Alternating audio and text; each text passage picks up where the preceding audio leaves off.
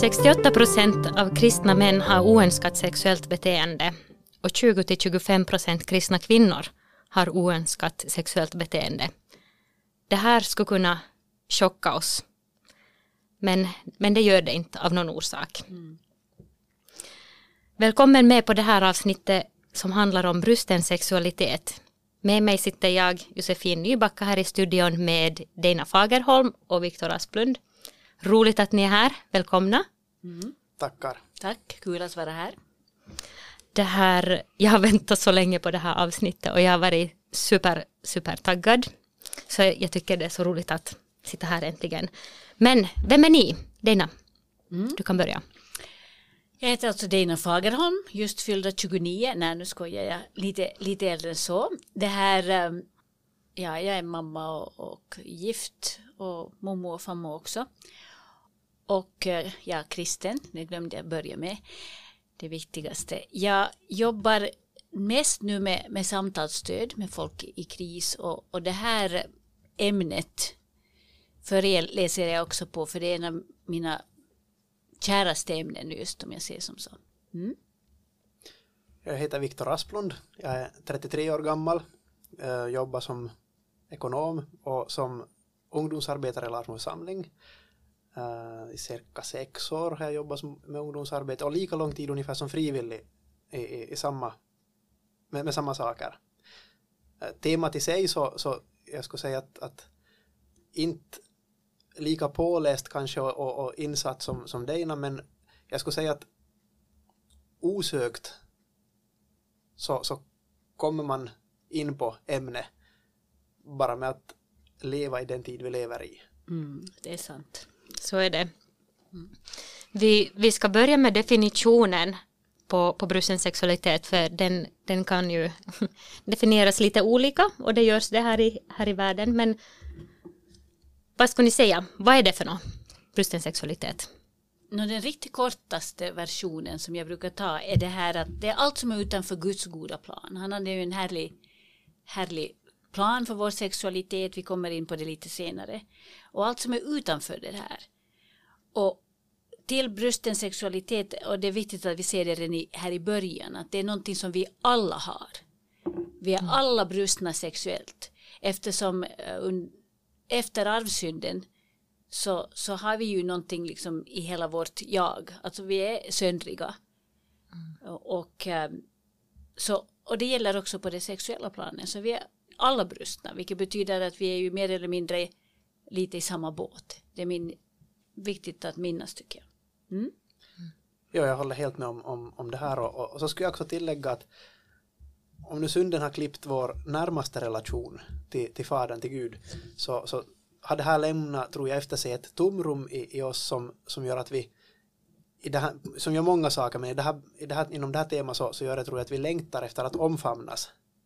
Och, och den här längtan efter närhet så, så gör att vi, om vi inte får den från, från Fadern, vilket vi kanske har problem med även om vi är kristna, mm så tror jag att det tar sig uttryck på andra sätt och bland annat inom en, en brusten sexualitet och vad det kan innebära. Så jag skulle säga att, att äh, definitionen, vi längtar efter att omfamnas och ibland så springer vi till fel famn. Mm. Så det här med att omfamnas menar du att den först och främst ska komma från Gud? Ja Eller? och nej. först och främst från Gud, ja. Men jag tror också att, att äh, inom fråga om sexualitet så, så, tror jag att omfamningen definitivt också handlar om, om en annan människa. Mm. Och, och, där finns också någonting väldigt, väldigt fint som vi säkert kommer att diskutera, diskutera ännu också. Mm. Och just det där att, att, att vi längtar efter närhet, vi längtar efter kärlek, vi längtar efter bekräftelse. Det är ju allt det där som Viktor just beskrev. Att, att det är ju en längtan vi har som är jättefin. Som mm. Gud har satt ner i oss. Mm. Men, men vi hittar den inte alltid på rätt, eller vi söker den inte alltid på rätt ställe. Mm. Jo, jag, jag, tror, jag, precis så, så, tänker jag också att, att det enda närheten som räcker så, så vi har full tillgång och, och har möjlighet att ha den närheten. Men på grund av vårt brustna jag så, så tar det sig uttryck att vi söker på fel ställe. Precis. Mm. Mm. Nå, hur tar det uttryck då? Brusten sexualitet? Jo, det är ju, det är ju ett jättevitt spektrum. Alltså det, det är ren, ren det här, det står ju i Bibeln att vi, vi gör fel i tankar, ord och gärningar. Alltså så att vi, vi tänker fel om andra. Det, det är ofta väldigt sån här det, det kommer till uttryck som själviskhet redan i våra tankar. Liksom vi, vi, vi har lust efter folk som vi inte kanske skulle behöva ha.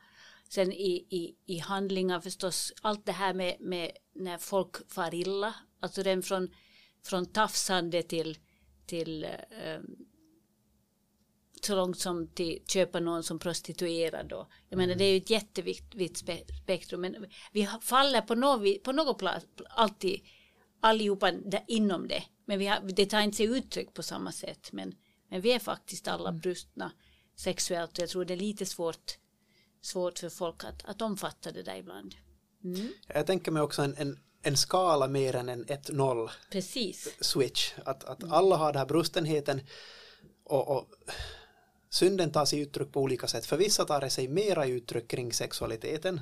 För andra så kanske det tar sig uttryck i, i personlighet och i, i, i girighet eller vad som helst men, men, men eh, definitivt så tar, tar det sig uttryck i, i, i sexualiteten också. Jag tänkte också på, på eh, överkonsumtion och det här är ett, ett steg också på skalan. Jag, jag, jag tänker så här att, att den här skalan så den börjar med 0 och 1. Antingen så är vi syndare eller så är vi inte syndare. Men eftersom att vi är syndare så fortsätter skalan kanske till en 10 eller 15 eller 130 eller jag vet inte hur långt men, men att den här skalan så börjar med 0 till 1 och vi är alla åtminstone på 1 för vi är alla syndare. Mm. Och sen så tar det sig uttryck på olika sätt och, och olika djupt i oss kanske.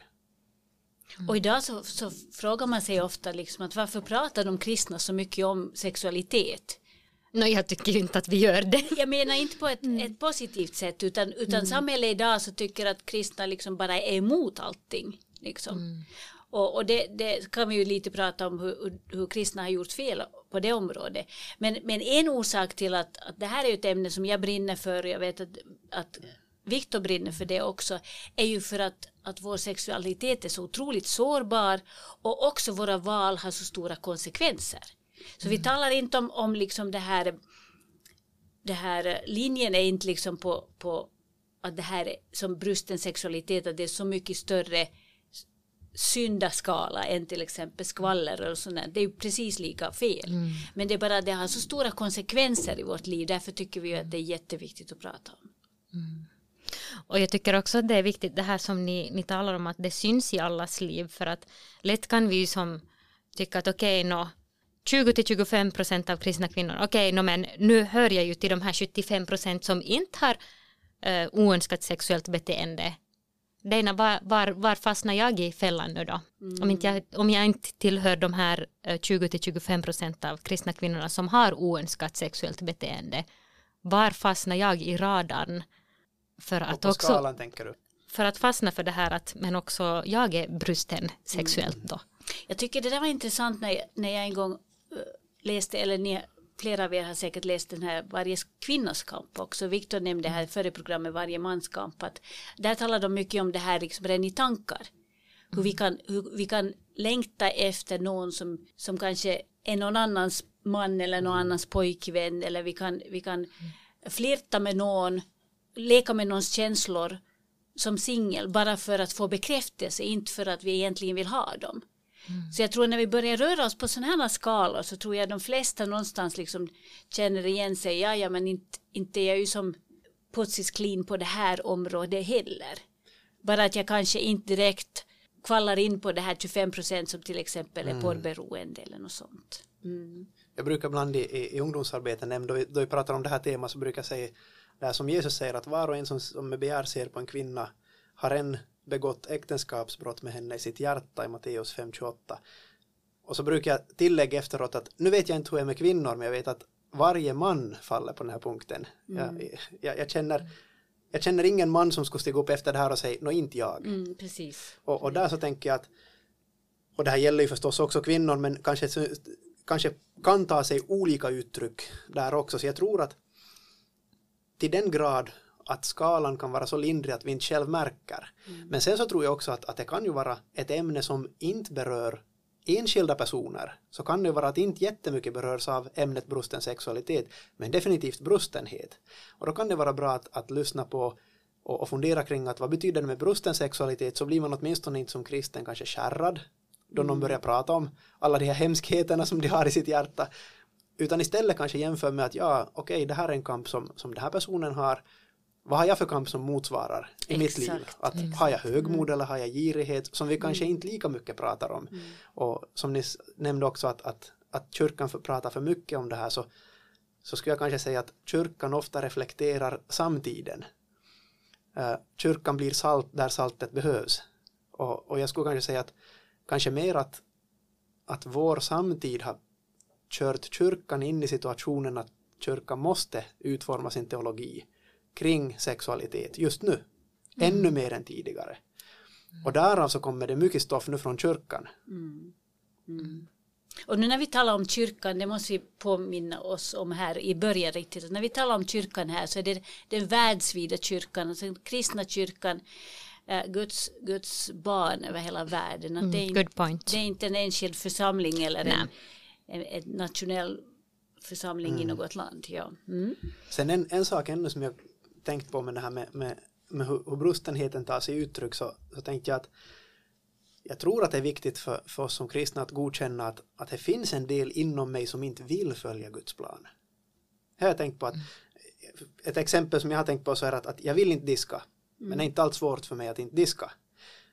Men så finns det vissa synder jag inte vill göra och jag har stora problem att inte göra de här synderna. Mm.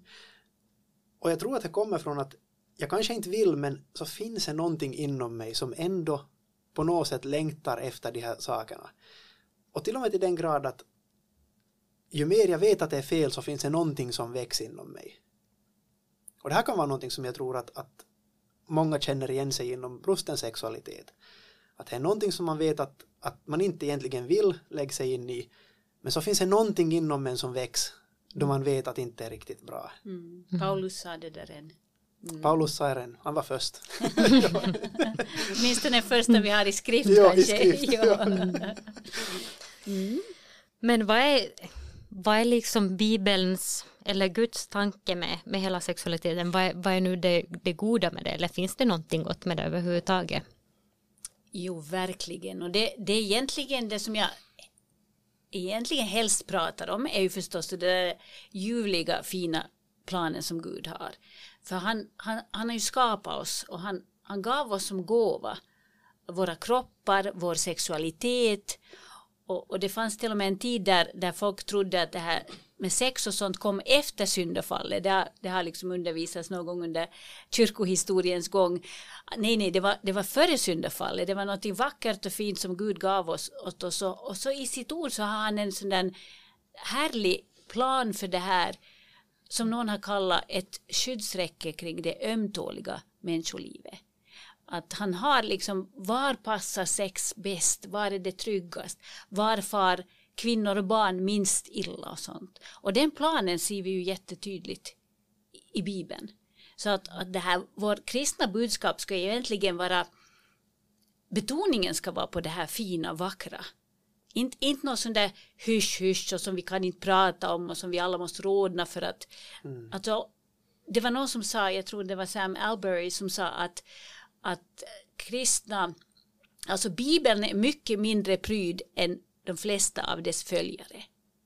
Mm. Jag menar läs höga visan så ser du att, att Bibeln är, visan, ja. den är sexpositiv, den är realistisk, och, och, men den förstår hur otroligt ömtålig vår sexualitet är. Så därför har Gud satt upp fina, fina det här gränser för det här. Kanske du Viktor mm. vill kort nämna vad det där är. Var, var har Gud placerat sexuell, sexet? ja. jag, jag, jag tänkte på att, att i skapelsen så, så, så, står det väldigt ofta att Gud såg att det var gott. Mm. Jag, jag tänker åtminstone att, att Gud var inte förvånad då sexualiteten kom in i bilden. Det var inte, det var inte så här som att, att nej men vad, vad har ni nu hittat på i min skapelse? Mm. mm. Det, här var ju, det här var ju hans plan.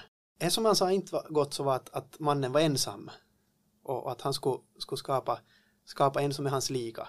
Och, och de här ramarna så, så skörheten inom sexualitet så är så tydlig tycker jag genom, genom hur samhället har skapat lagar som är väldigt strikta kring hur vi ska skydda sexualitet från, från äh, svaga svagas sexualitet ska vi kanske kalla det.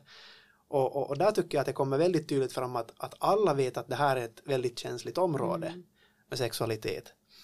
Uh, då det gäller Bibeln så är Bibeln ganska tydlig att, att sex är mellan en man och en kvinna i ett äktenskap, alltså i ett förbund där det finns ett starkt löfte om att jag ger hela mig till dig och jag ger hela dig, mig till dig innan innan vi förenas i, i, i, in, på sexuella planet. Får jag avbryta dig där redan? För att det finns, det där är ju väldigt kontroversiellt också bland kristna sammanhang idag. Mm. Man tänker ju som att men är det där nu riktigt egentligen Bibelns ord? Nu, nu är det du som sitter här och Viktor och pratar om det här men är det egentligen Bibelns budskap? Och, och jag har hört också att men just att det är lite tolkningsfråga. Vad säger vi om det? Mm. Har ni något svar? Jag tycker det är, är kontroversiellt och, och, radikalt på ett jättepositivt sätt. Och jag tror att, att de här, alltså ända sedan Eh, 1960-talet och den sexuella revolutionen så har man ju försökt mata in att det här Bibelns budskap att Guds plan är liksom förtryckande och, och, och inskränkande och så vidare. Men eh, om, om man läser Bibeln och hela Bibeln och, och när vi diskuterar det här och, och också pratar om det, Viktor och jag, så det, det, det, är baserat på hela Bibeln. Det är ju inte mm. en bibelvers man har tagit, tagit ut därifrån, utan mm. hela Bibeln talar sitt, sitt tydliga språk. Mm. Och det är just för Guds kärlek till oss. Men man förstår ju att folk har blivit matade år efter år efter år att, att det är någonting negativt det där att vår sexuella frihet skulle be, begränsas. Men, men jag tänker mig bara efter metoo kom och det här metoo-rörelsen och förstås vi som har levt lite längre och, och så konsekvenserna jag var inte född på 1960-talet men, men så konsekvenserna av vad den här sexuella så kallade friheten har lett till mm. så, så, så blir det för varje år allt tydligare att Guds plan är så jättesmart. Mm. Men, men jag kan förstå också det där att många brottas med det här idag. För mm. att, att det talas för lite på det viset om, om, om det här i kristna sammanhang. Alltså vi har inte haft tillräckligt mycket positivt tal om sex. Så 99 procent vad man hör är sånt där att den, vi måste ha sexuell frihet för att må bra. Mm. Och efter som konsekvensen av sexuella revolutionen också när folk har läst eller hört om metoo Många hade jättesvåra erfarenheter. Så, så hoppas jag att den här trenden lite svänger, att man ser att när man läser hela Bibeln och ser att, att Gud hade planterat, nej inte planterat, planerat så att, att, att liksom vår utlevda sexualitet skulle vara ett äktenskap. Så är det, det, det är så bra, speciellt skulle jag vilja säga för kvinnor och barn. Mm. Jag tycker att, att jag håller helt, håller helt med och, och jag tycker att om man nu läser Bibeln ska jag säga, at face value och försöka, försöka se att, att vad försöker författaren få fram för budskap. Den som har skrivit, vilket jag nu själv åtminstone tror att det om jag läser ett brev som någon har skickat åt någon annan så vill jag ju läsa det här brevet för att förstå vad har den som skickar brevet ämnat att få fram för budskap. Och läser man Bibeln på det sättet så, så tror jag inte att Bibeln är väldigt otydlig. Mm. Det som jag tänkte också på så är att de flesta saker som vi ser att det är gott så begränsar vi också ändå. En brasa är väldigt trevlig. Men vi har en väldigt tydlig gräns hos oss var brasan är. Brasan är inne i spisen och luckan är stängd. Uh, mat är jättegott. Men vi sätter inte på golvet först, utan vi sätter det begränsat i en tallrik. En fisk har det jättebra så länge den är begränsad till vatten. Mm. Och en, en båt trivs bäst då den är i vatten. Mm vi människor trivs och funkar bättre då vi är på land igen.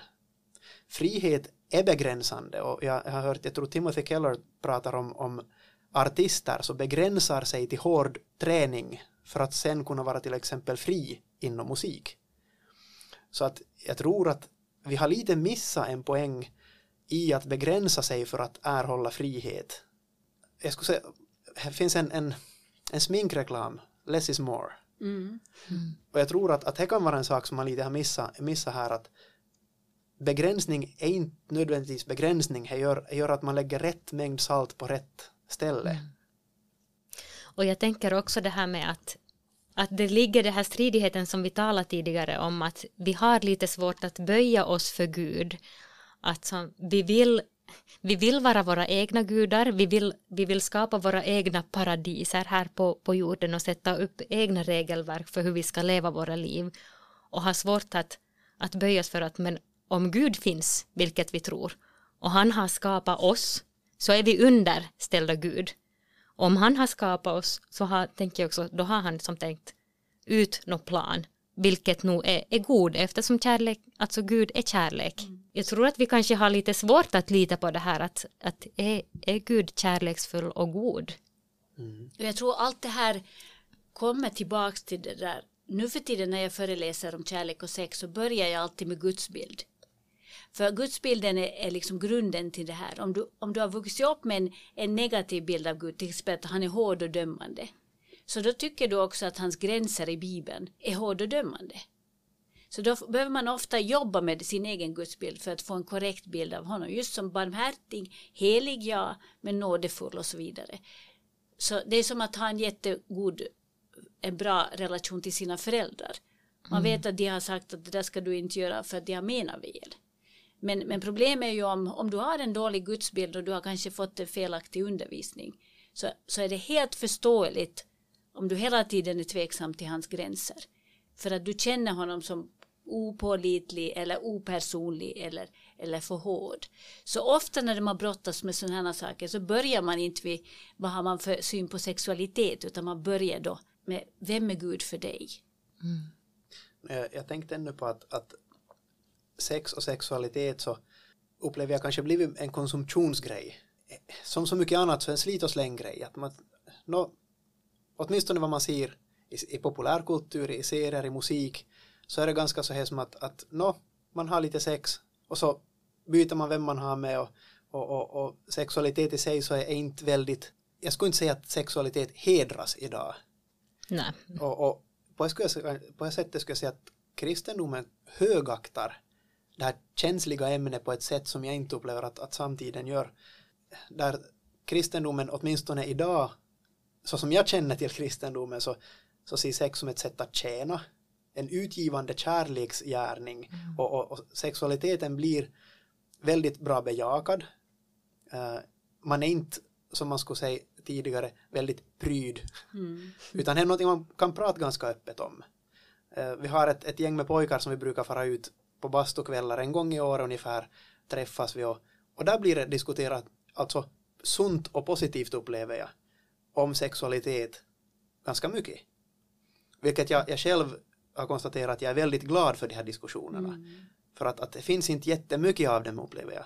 Jag tycker att de har kommit mer och mer. Jag möter i, i, bland ungdomar också mer och mer öppenhet gällande, gällande prat om sexualitet och, och utmaningar kring och saker man vill jobba med kring sin egna sexualitet och saker man kämpar med. Vilket jag välkomnar för att om inte vi pratar om utmaningar så då åtminstone får vi stora problem. Och när vi talar om sexualitet och, och sådär så kan vi ju behöva påminna oss om att, att vi är skapade med det så att vi är ju sexuella varelser från första början. Och mm. det betyder ju också att, och, och, jag menar våra hormoner börjar dansa där i ganska tidig ålder och, och, och, och många kämpar med de här liksom frågorna att okej, okay, jag menar man blir ju inte en sexuell varelse när man gifter sig, Nej. vilket skulle vara på ett sätt lite enklare. alltså att, att det här, då skulle man mitt i allt liksom få sådana här känslor, utan man har det ju långt före. Mm. Och man får, får det här brottas med det här. Och, och därför tror jag det är jätteviktigt men liksom bejaka det också. Alltså den här mm. längtan, de här känslorna är något positivt som Gud har satt ner i oss. Sen, sen liksom får man ju brottas lite med vad ska jag göra med dem, hur, hur får jag uttryck för dem och därför det, det där viktiga som Viktor sa att den här vägen ska ingen gå ensam. Det är Nej. inte tänkt så. Vi ska gå den arm i arm, både med folk som är i mm. samma situation, arm i arm också med folk som, som till exempel som jag som är en generation äldre än er. Vi behöver liksom finnas där så ni kan, ni kan liksom bolla med oss och så vidare. Mm. Att, att ensam är svag, speciellt på det här området. Ja, och det här just med det här med att, att alla är vi skapade som sexuella varelser eller med sexualitet, att det har man också som singel och också som, som kvinna. För att det har jag kanske väl upplevt lite tidigare kanske att men man har lyft fram mera männens brustna sexualitet mm. än att också kvinnor är brustna mm. sexuellt. Vi har varit mer sådär att ja, nu är det sådär små helgon som inte, mm. som inte har, och, och det gör ju bara och då kommer vi förstås över till nästa, nästa punkt mm. vi ska prata om men det gör ju bara att, att, att skammen blir större då. Precis. Och, och tystnaden blir större om, om, vi, om vi lägger på oss någonting som vi är, ingen är helgon. Mm. Och där tänker jag också att, att uh, den sunda sexualiteten och en, en, en den sexualitet som, som Gud har skapat och som, som Gud har skapat sexualiteten att vara så, så tänkte jag på att, att Petrus gick på vattnet så länge han hade blicken fäst på Kristus. Och, och oberoende om man är gift eller ogift så första uppgiften som vi har som kristna så är att följa Kristus. Sexualiteten är nog sekundär i Bibeln. Ett narrativ som följer Bibeln. Vi har ju väldigt mycket bilder om, om, om Narra och narrativ betyder? Äh, en berättelse. Mm. Och, och, vi, vi, vi följer ju vi människor så, så vi skapar berättelser kring allt som vi har. Idag då jag kom hem från jobbet så, och så berättade jag vad som har hänt. Äh, ett, ett sådant narrativ eller berättelse i Bibeln så är brudgummen och bruden som följer genom hela Bibeln. Mm. Så det här är ju saker som Gud nu har med. Men varför pratar Bibeln om brudgummen och bruden. Därför att en dag så ska Kristus komma tillbaka och då ska det vara som på en bröllopsfest. Då kommer brudgummen och bruden att förenas. Då kommer vi att förenas med Kristus. Så Bibeln använder det här mer som ett språk för att lyfta upp vad som kommer att hända då Kristus kommer tillbaka. Men samtidigt att Bibeln använder det här språket som en positiv bejakande sak så är väldigt tydligt att Bibeln är inte emot det här. Mm. Och gällande det här med, med sexualitet så länge man inte är gift så, så tänkte jag på det här som Paulus säger i första Korinthierbrevet att, att till de ogifta och änkorna säger jag att det är bäst för dem om de förblir som jag. Alltså han bejakar att det är någonting väldigt gott med att inte vara i ett, i ett förhållande. Och så fortsätter han lite senare, eftersom det är bättre att gifta sig än att vara upptänd av begär så kan det vara bra att gifta sig. Så det är nästan som att Paulus skulle hålla bättre att vara singel, för att då kan man ha fokus på uppgiften. Mm. Och det här skulle jag nog kunna, kunna se någonting väldigt relevant att fundera över åtminstone. Att vad betyder det för mig, jag kanske, kanske skulle säga att vad betyder det för mig att vara kristen? A. För mig själv och B. I mitt äktenskap. Och finns det saker i mitt äktenskap som hindrar mig i mitt kristna liv? Får barnen eller frun för mycket uppmärksamhet kontra Kristus? Eller för lite kan det också vara mm. kontra Kristus. Så det här är saker som jag åtminstone tänker att, att det är väldigt viktigt att man nämner, även om det här är också saker man oftast nämner. Så tror jag att det är mm. viktigt att man säger att de gamla sanningarna ska sägas även Absolut. om de gamla. Mm. För att det är fortfarande sant. Och jag tycker att, att bejakar på ett bra sätt det här med, med också sexualitet innan man är gift. Och, och där, till det kan man också säga, vilket jag tycker är en viktig poäng, att, att Bibeln gör inte sex till en idol vilket man gör idag i vårt samhälle. Mm. Vilket betyder att idag så, så hör ju sex till Maslows lägsta behov. Grundläggande grund, behov. Grundläggande behov, vilket det egentligen inte För Nej. det är mat och, och, vatten och sömn och de här luft som vi inte klarar oss utan. Vi klarar oss utan sex. Det är svårt idag för att vi blir överstimulerade. Men, men det här att som Paulus leva liksom hela livet som singel så så det är ju helt möjligt. Det går inte att leva utan mat. Det går inte att leva utan luft och sånt här. Så, så i, idag känns det som att, att, att bara för att man, ja, alltså man gör det till en idol så får det också en för stor plats mm. i, i, i, i våra, vår liksom Mm. en avgud helt det enkelt. Det blir en avgud och, och Bibeln har, ju, har inte som avgud. Och vi har ju en annan väldigt bra förebild som aldrig var gift. Mm, precis. Kristus själv så, så finns det ingenting som tyder på att han ska vara gift. Och så tror vi inte heller som kristna. Och inte heller att han skulle ha haft sex. Mm. Och han, om man nu skulle säga som kristen, han levde ju ändå ett hyfsat bra liv. understatement of the year. ja. Mm. No, om vi går vidare till att bemöta vår brustenhet. Hur ska vi göra det? Mm, det, här, det här tycker jag är ett ljuvligt ämne för jag tror att det är någonting som, som de flesta möter på något vis antingen i sig själv om man är ärlig men också i kontakten till andra och där tror jag att ärlighet är jätteviktig och därför vill vi ju ha sån här liksom öppna diskussioner om sex för det är lättare att vara ärlig i ett klimat eh, där, där liksom öppenhet råder.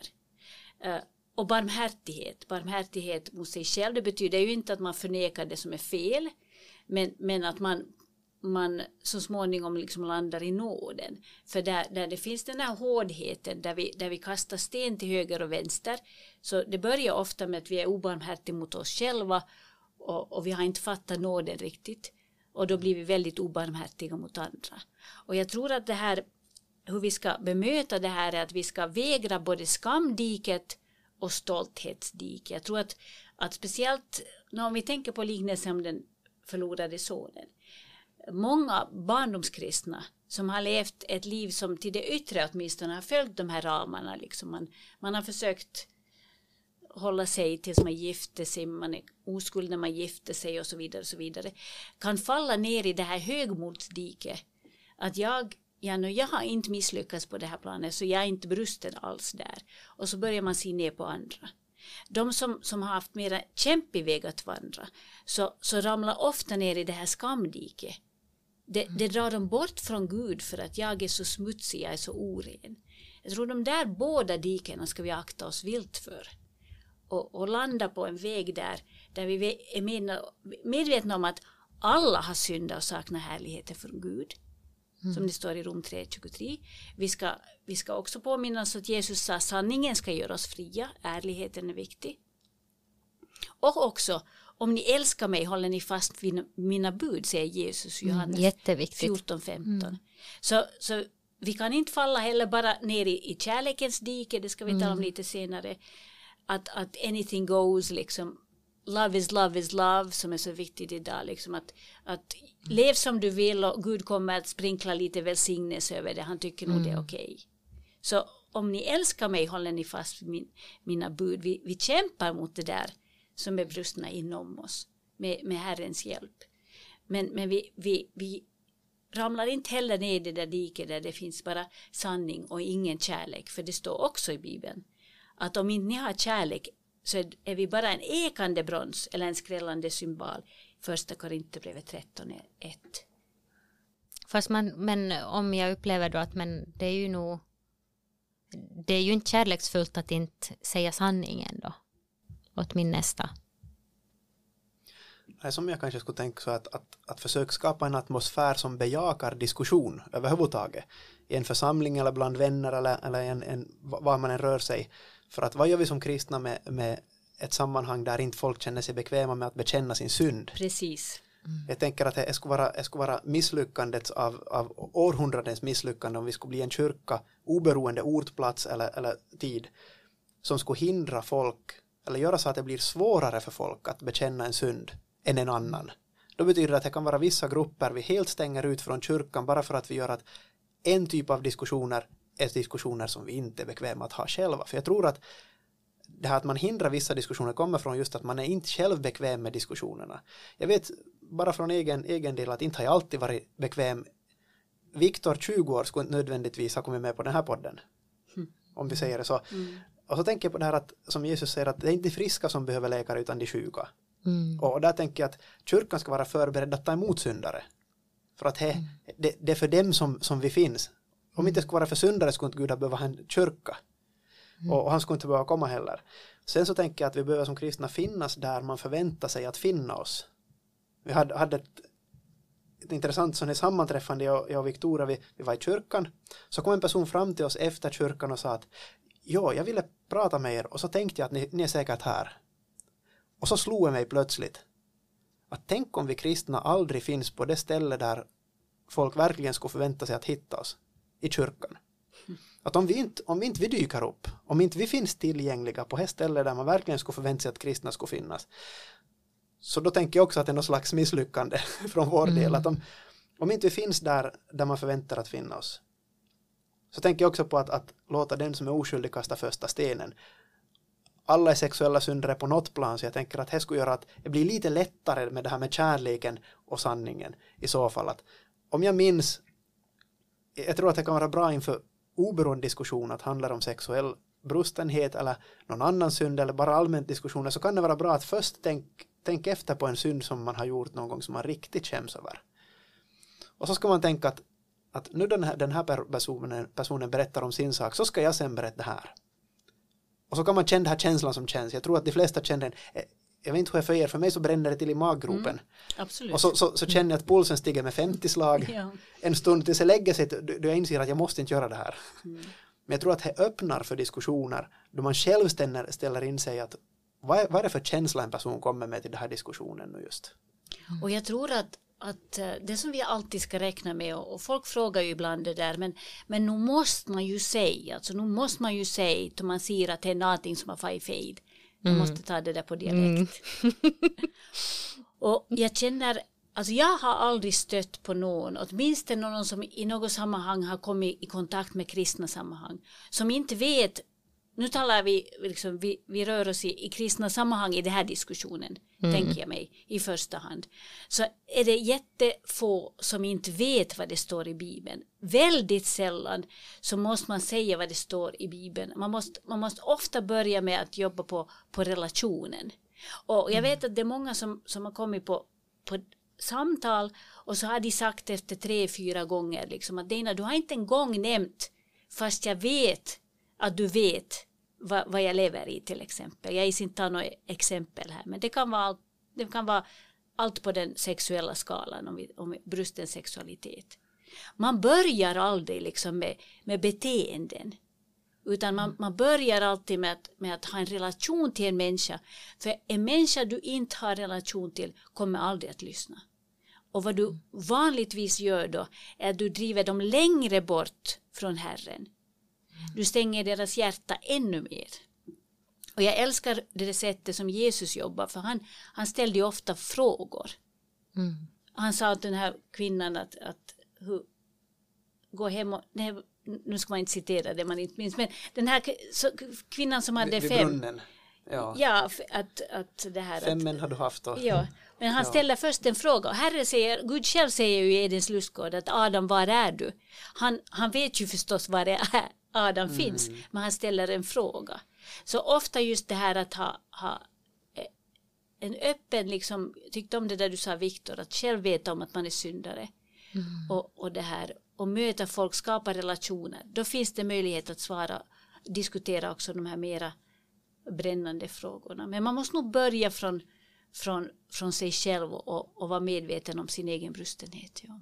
Absolut. Och så, så tänker jag också om man tar eh, utanför kristna sammanhang så tänker jag att nå, hur, hur viktigt är, är det att jag påpekar åt, åt en vän som inte är kristen om deras sexuella synd. För de bryr sig ändå inte vad det står i Bibeln. Så Nej, och det är, ju des, de är ju inte kristna överhuvudtaget så det är, ju som, det är ju inte den största synden. Den största synden är ju att de inte tror. Så då är det som egentligen helt irrelevant. man börjar i fel ända, helt fel ända. Exakt. Mm. Vad skulle Viktor säga? Ja, jag tänkte att, att det kan vara bra att minnas att, att jag, som, som Luther sa, simul justus et peccator, samtidigt rättfärdig och syndare. Men så tror jag att det är bra att minnas att, att en kristens identitet är inte i hans brustenhet, utan i Kristus. Och, och då Gud ser på en, en kristen så ser han inte synden. Och, det här, åtminstone jag har ibland svårt att minnas det här för egen del. Att då Kristus ser på Viktor så ser han inte att jag var pinsam vid jobbet vid, kaff, vid kaffestunden. Han ser Kristus. Och det här tror jag kan vara bra till, till påminn i diskussioner att bekänn och gå vidare. Bekänn och gå vidare, det räcker. Och så är det färdigt. Om det sen är upprepat så behöver man fundera ut en strategi hur man ska hantera upprepade saker och upprepade brustenhet, brustenhet som tar sig uttryck i, i, i kanske olika typer av beroende och saker som vi kommer till, till hantera också i, lite senare. Men jag tror att, att börja med bekänn och gå vidare. Och på ett sätt att säga att man ska avdramatisera synden känns lite fel som kristen, men, men avdramatisera den här hanteringen av synden. Synden har redan hanterats på ett väldigt dramatiskt sätt. Verkligen. Så vi behöver inte som kristna något mer hantera det på ett dra- dramatiskt sätt. Kristus har dött för det. Vi behöver inte också i varje diskussion dö igen. Nej. Jo, det, det är just det som jag tror att, att vi kristna upplever det här med har jag syndat nu ordentligt känner man oss att, att men då, då måste jag straffa mig själv först. Först måste jag straffas för det här. Att det, det kan inte räcka med att jag bara bekänner. Men det, det är helt fel. Då, då tror vi ju som att vi i oss själva kan på något vis få komma inför Gud. Vi tror på något vis att vi kan förtjäna Gud. Vi kan prestera inför Gud. det kan vi aldrig. Det här tror jag är en väldigt viktig poäng som du lyfter fram. Och, och Ja. vi tror inte heller att, att Jesus dog också för det här. Och det är ju det som är så svårt med sexualiteten. Att, att den är ofta en liten sån där sidonisch. Att vi tänker att, att Gud liksom nog är med i alla delar av vårt liv. Men så vår sexualitet har vi lite på sidan för den klarar han inte riktigt av för det, det blir liksom pinsamt för honom. Typ. Ja, när han tar inte skämskudden. Nej, nej. Så också, också med allt det här så får vi komma frimodigt till honom. Ja, så kanske en utmaning från vår sida för, för det här avsnittet blir att, att har du talat med Gud om, om din sexualitet, vad som är kämpigt, be över det. Jag tror inte att det är någon stor procent som ber för, för sin, över sin sexualitet och, och det, det är som, Gud är nog jätteintresserad av, av den biten och man kommer ju som på ett jättedjupt plan. Och jag tror som i, i något skede tänkte jag här att vi tror på något vis att, att det här sexualiteten så kan, kan bli mättad av en annan människa. Men det kan inte det egentligen. Och, och, och det här är nu som jag måste säga att jag har hört det här säkert en miljon gånger som vi skulle säga i Kokkola.